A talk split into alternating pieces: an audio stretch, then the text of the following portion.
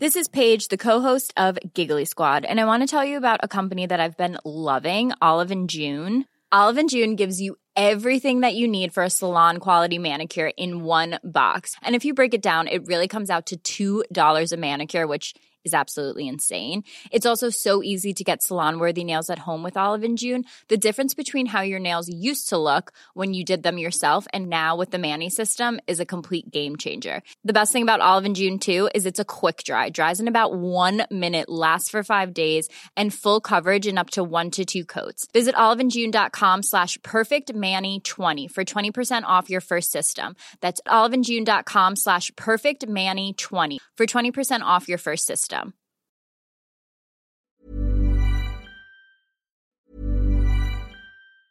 Summer's just around the corner, so give your body the care it deserves with Osea's best-selling Undaria algae body oil. Created by infusing Undaria seaweed in barrels of botanical oils, it leaves skin silky soft and glowing. Plus, it's clinically proven to improve elasticity and deeply moisturize without feeling greasy. It's safe, clean, vegan skincare. Get 10% off your first order at oseamalibu.com with code GLOW, plus free shipping on orders over $60.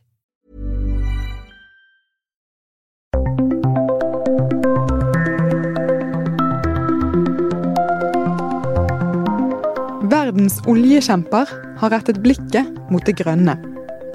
Hvordan påvirker de den fornybare bransjen gjennom sine investeringer? Og må oljeselskapene bli grønnere for å ha en framtid? Du hører på Det vi lever av, en podkast fra Sysla. Jeg heter Sigrid Haaland.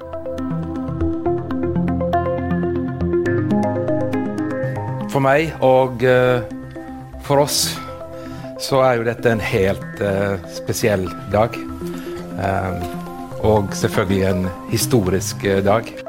Det var 15. mars i år at Statoil kunngjorde at de ville bytte navn til Equinor. Konsernsjef Eldar Sætre fortalte på en pressekonferanse at det ikke lenger bare skulle handle om olje og gass. Nå så forbereder vi oss for de neste 50 årene. Og også da en annen energifremtid. Statoil kommer til å utvikle seg videre som et bredt energiselskap. Og vil aktivt søke de eh, forretningsmessige mulighetene som eh, energiomleggingen, som vi er en del av, gir oss. Equinor er langt fra alene. Flere oljegiganter har varslet en grønnere satsing den siste tiden. Det er stor forskjell på hvor hardt de forskjellige oljeselskapene satser på fornybar energi. Men totalt er det snakk om mange milliarder. Så hvordan former oljegigantene den fornybare bransjen? To av mine faste gjester er nå på plass. Professor i ressursøkonomi og prorektor ved Norges handelshøyskole, Linda Nøstbakken. Og analytiker i Nordea Bank, Tina Saltvedt. Velkommen. Takk skal du ha. Tusen takk. Tina, du er jo egentlig selve personifiseringen på overgangen fra det fossile til det grønne, kan man vel si. Ja, jeg har jo tatt et helt personlig grønt skifte. Jeg jobba jo som oljeanalytiker i ti år, og så bytta jeg til grønn energi og bærekraft fra jul, så jeg, jeg har gjort det helt fysisk. Vi skal begynne med å få et overblikk. Eh, når var det man begynte å se denne trenden med oljeselskaper som eh, i hvert fall sa at de ville få en grønnere profil? Ja, Denne trenden den har egentlig gått i to bolker. Eh, den første bolken den begynte jo før eh, finanskrisen i 2008-2009. Hvis vi husker tilbake da, så var det jo store oljeselskaper sånn som British Petroleum eller BP. De eh, relanserte seg selv som Beyond Petroleum. Flere av de andre selskapene begynte å fremstå som bredere energiselskaper. Og det fortsatte frem til da finanskrisen kom. Du fikk et kollaps eh, i eh, oljeprisen eller i råvarepriser generelt sett. Så blei det ganske stille om det egentlig frem til eh, for et par år siden. Og så ser vi at denne trenden har begynt igjen. og Det siste er jo kanskje da Equinor, eller det som står oss nærmest, er kanskje Equinor, da, som tidligere var Statoil, som nå har byttet fra å være et olje- og gasselskap til et bredere energiselskap. Mm. Det, er jo stor forskjell på hvor hardt de forskjellige selskapene har eh, satset. Hvem er det egentlig som har satset hardest her? Vi ser jo mest til Statoil i Norge, og de ligger jo langt framme og har et godt rykte på, på det området. Internasjonalt så er det kanskje Shell som har fått mest oppmerksomhet. Så lover store investeringer i alternativ energi. Um, så, men det er jo det er store tall. Uh, Shell planlegger å investere 1-2 milliarder i ren energi i, i 2018. Men det er jo allikevel ikke stort i forhold til skalaen på disse selskapene. Ja, det er en liten del av de totale investeringene?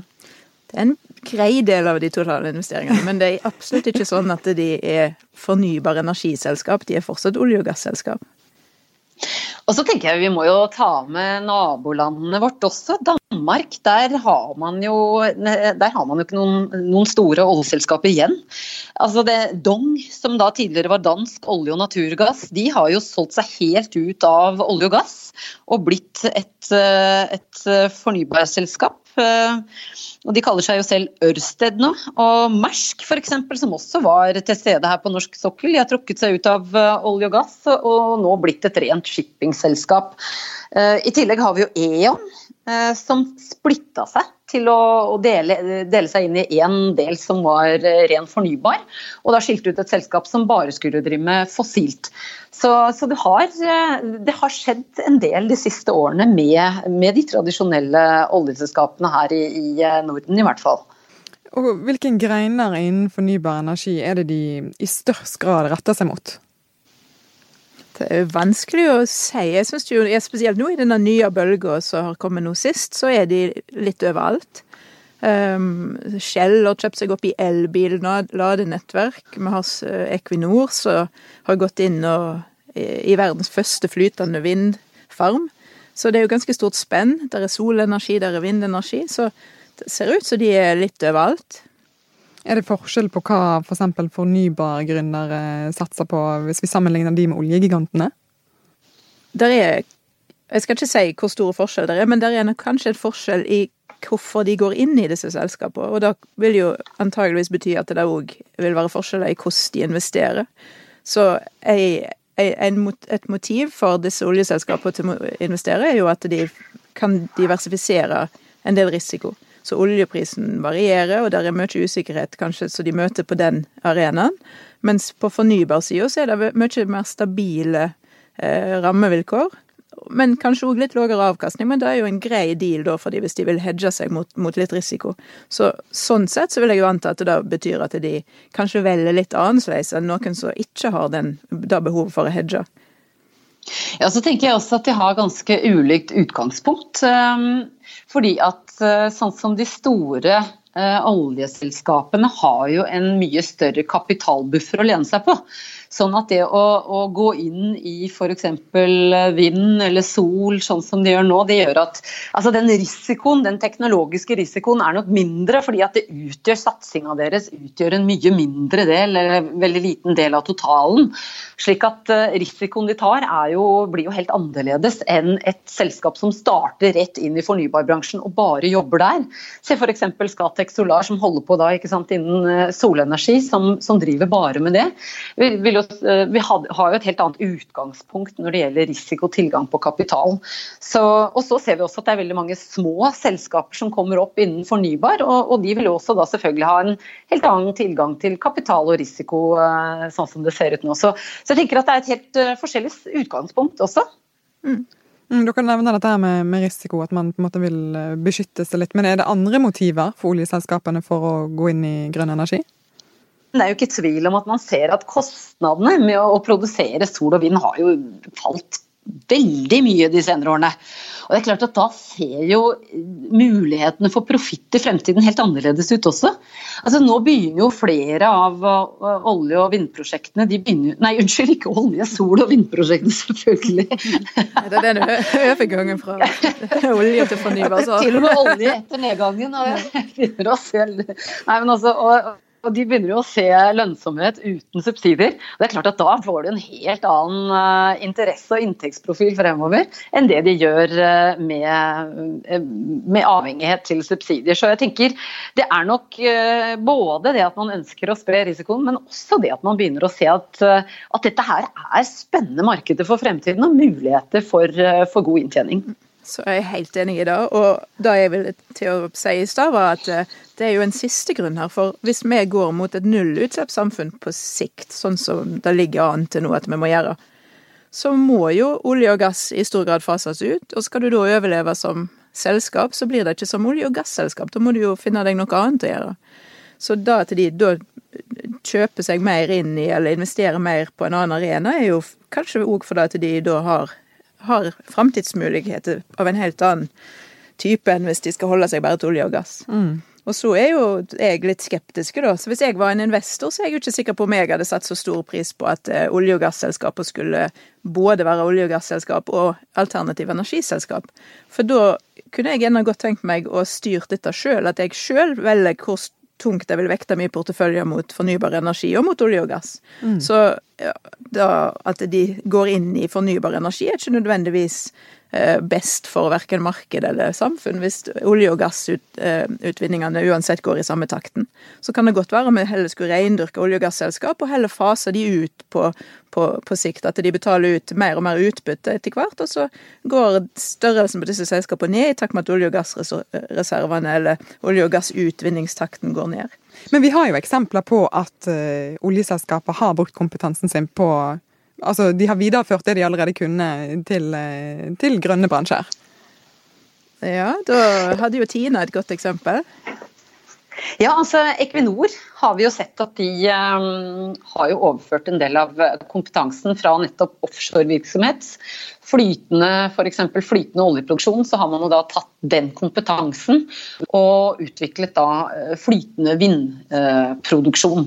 Sånn at der har man jo, i hvert fall som de selv uttalte for en stund siden, at de har jo ikke ansatt noe, mange nye, men de har jo tatt fra den kompetansen man har internt og flyttet området. Så det er klart at det er jo, er jo veldig spennende å se hvordan de lykkes med det. Mm.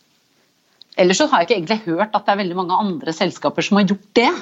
Men, men det er klart at noe overlapp ville jo være rart om det ikke skulle være. Å kunne bruke noe av den kompetansen, altså dette med kompetanseoverføring, som har vært mye snakk om i Norge den senere tiden. Men da, bare for å være den som protesterer litt, så går det jo an å overføre den relevante kompetansen allikevel, for om det ikke skjer inn i samme selskapet.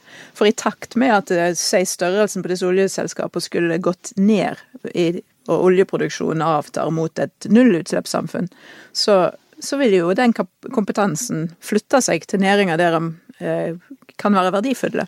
Så det må jo ikke skje i de samme selskapene. Nei, Det har du nok helt rett i. for det var nok mange selskaper som egentlig fikk et lite sånn løft etter det oljepriskrasjet vi hadde i 2014. Nettopp. Nettopp fordi det ble frigjort mye kompetanse som man kunne ta nytte av i andre næringer. Og, og Det har nok bidratt til en del av veksten og det en del av satsingen som man hadde. fordi at Tilgangen på bl.a. ingeniører eh, var jo minimal, fordi man ikke hadde mulighet til å konkurrere på pris eh, eller på arbeidskostnadene. Mm. Så, så det har du nok helt rett i. Hei, jeg heter Gerhard Flåten og er kollegaen til Sigrid i Sysla. Jeg skal bare helt kjapt be dem å gjøre to ting. Først, åpne opp nettleseren din og skriv syslalive.no i adressefeltet. syslalive.no. Når du har lest deg opp og meldt deg på der, gjenstår det bare å åpne kalenderen og sette av tirsdag 18.9. Da skal jeg nemlig intervjue noen av verdens aller fremste eksperter på autonome skip. Det skjer på scenen i Grieghallen i Bergen. Hva er det egentlig som er mulig å få til på dette feltet? Og hvem er det som leder kappløpet? Det er noe av det du får svar på når vi igjen tar journalistikken til scenen under Sysla Live Ocean 2018. Les mer på syslalive.no, og så ses vi i september. Hvis vi ser med et litt sånn overordnet blikk, da. Øh, finnes det noen oversikt over hvor tungt oljeselskapene faktisk er inne i fornybar energi? Det er vanskelig å få en oversikt over absolutt alle oljeselskaper rundt om i verden, for det er ganske mange. Men Wood McKenzie har sett på de store oljeselskapene, og de rapporterer at mindre enn 1% av verdens sol- og vindenergikapasitet er eid av disse selskapene. Så det er jo ikke enorme volum her. Nei. Mitt neste spørsmål var jo da om den fornybare utviklingen er avhengig av penger fra oljegigantene for å gjøre store framskritt. Hva tenker du om det, da? Jeg tenker jo de er avhengig av penger, og hvor de pengene kommer ifra er jo egentlig likegyldig. Mm. Så lenge det bare er snakk om penger. Hvis det er penger og kompetanse, så er det jo noe annet. Men da har vi jo vært inne på at det er ikke gitt at du får noe ekstra på den sida heller. Hvis vi da snur om på det spørsmålet, er oljeselskapene avhengige av en grønnere profil for å overleve? Ja, Der vil vi i hvert fall si ja på sikt. Fordi at eh, hvis vi skal nå Paris-målet, og det vil vi jo, så skal vi jo bygge ned olje og gass og, ikke minst kull.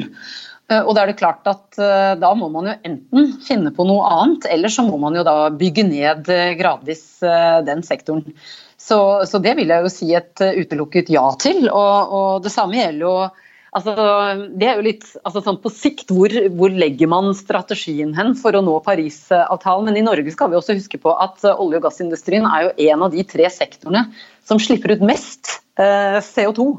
Sånn at de er jo faktisk nødt til også på kortere sikt å kutte sine utslipp ganske mye eh, for at vi samla Norge som nasjon skal nå sitt mål. Så, så ja, det mener jeg bestemt eh, at det, det må man. Eller må de. Mm.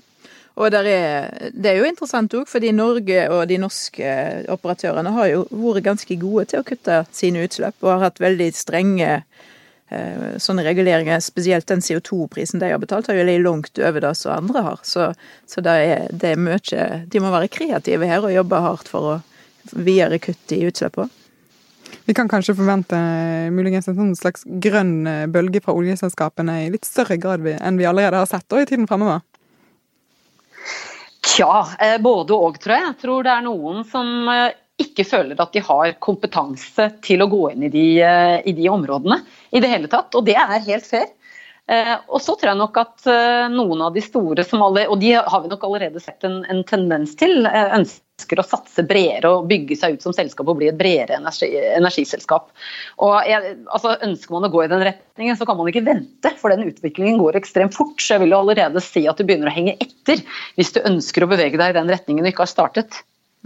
Så er det jo interessant at de grønne si, olje- og, olje og gasselskapene at de selger seg ut ifra de skitneste prosjektene. Men det betyr jo ikke at de skitneste prosjektene ikke blir gjennomført. Så det er ikke sikkert at det egentlig påvirker globale utslipp så voldsomt. Og tilbake til det med Norge òg, så er det jo en diskusjon stadig om hvor skal vi ta utslippskutt. Skal vi ta de i Norge, eller skal vi si, kjøpe oss fri med å betale for kutt andre plasser? Så det er, jo, det er jo, mange ting her som kan påvirke både i Norge og, og globalt. Vi, men sånn, som økonomer så håper jo vi at vi tar alle de billige utslippskuttene skal vi ta. Og så er det en del andre ting som påvirker òg, sånn vi bør gjerne ta litt mer i Norge enn enn det som gjør at vi får de mest effektive utslippsreduksjonene av andre grunner, så ofte er oppe i politiske diskusjoner. Men det er ikke gitt at når det begynner å snøre seg til her, og, og, og det koster mye å kutte mer i olje, at, at de vil stå på det der at de skal ta en stor andel av kutta hjemme. Så det kan jo være noen spiller litt på det òg, jeg vet ikke. Og så ser vi jo, altså Jeg sitter jo i, i, finansmarkedet, og det er jo ikke tvil om at vi ser en endring hos investorene også. Hvor, eh, spesielt i Europa, men også en del i, i, i USA Eh, hvordan man nå etter hvert ser at flere og flere begynner å Noen sier jo totalt nei til eh, å investere eller trekker seg ut av fossile investeringer i sin helhet. Senest i sommer så, så vi jo at Irland, som, altså det statlige irske fondet, sa at de skal selge seg ut. Det samme gjør Church of England. Sånn at eh, det er jo også en, en økende oppmerksomhet rundt dette fra store investorer. og det er klart at De kan skifte ganske fort. Det så vi i kullmarkedet, som kan, altså, som kan gi en, en, rask endring i verdien på et selskap. Vi så, har sett det allerede i kull, og så har vi sett at flere og flere er mer skeptiske til visse deler av eh, oljeproduksjon, f.eks. oljesand, eh, skiferolje og arktisk olje. Eh, og hvordan det vil bli videre, hvor fort denne endringen går, det vet vi ingenting om. Men det er selvfølgelig noe man må være veldig oppmerksom på, fordi disse endringene i kapitalstrømmene vil kunne gjøre store forskjeller for verdien på et selskap. Mm. Men samtidig så vil det kunne gjøre at eh, noen finner veldig billige ressurser som de kan utnytte. For hvis det bare er da at noen investorer går ut, så lenge det står noen investorer igjen, så vil jo de få tilgang til dette kanskje enda billigere enn de ellers hadde fått. Og da er det jo politikken som må følge opp. Og hvorfor går de ut? Det kan jo være de som går ut, det kan jo være for de ønsker ikke å drive med ting så, så ikke de kan forsvare sånn skulle si, etisk eller moralsk. Men eh, det kan jo òg være trussel, at de ser det er en overhengende risiko for at det der vil komme reguleringer. Men noen kan jo ta den risikoen. Det er mye interessant som skjer. Det samspillet med hva er det investorene vil, og hvor de går, og prising av ulike ting, og hva som skjer på reguleringssida. Ja, Forhåpentligvis så går det hånd i hånd, for vi ser jo det at det er, begynner å komme mye strengere krav til oss som finansinstitusjoner nettopp på dette. At vi skal prise inn bærekraft, vi skal prise inn klima. Og Det er klart at det vil jo også da gi seg utslag i hvordan vi forvalter penger, og ikke minst også hvem vi låner ut penger til. Prisen på tilgangen på kapital. Uh, og det, det, er jo som du sier at ja, uh, man kan jo alltid finne noen til å kjøpe det til en billig pris, men det er klart at uh, prisen må være høy nok til at selskapet overlever. Vi ser jo en tendens til altså Det er jo ikke uten grunn at en del av kullselskapene har slitt i USA. Noen har jo gått konkurs også, fordi at vi ser at etter hvert så begynner forbrukere og, forbrukere og, og investorer å vende ryggen til det som er mest, mest skadelig. Og der har de jo fått hjelp av eh, all den billige gassen som kom. Så det er jo ikke, ja, det er jo ikke, det er jo ikke bare da at folk vender ryggen. Du vender jo òg ryggen for at det, er lønnsomheten går ned. Ja, og det henger jo sammen. Ja. Dette har vært eh, utrolig lærerike 20 eh, minutter, det må jeg bare si. Tusen takk for at dere eh, var med, Linda og Tina. Takk. Takk for at du hørte på denne episoden av Det vi lever av. Vi setter utrolig stor pris på om du vil gi oss en anmeldelse i podkastappen din. Og om du har innspill til temaer som vi bør ta opp, kan du sende en mail til sigrid.haaland med dobbel a at sysla.no. Om en uke kommer vi med en ny episode. I mellomtiden kan du jo sjekke ut Bergens Tidenes nyhetspodkast BT20. Produsent for denne podkasten var Henrik Svanevik. Jeg heter Sigrid Haaland.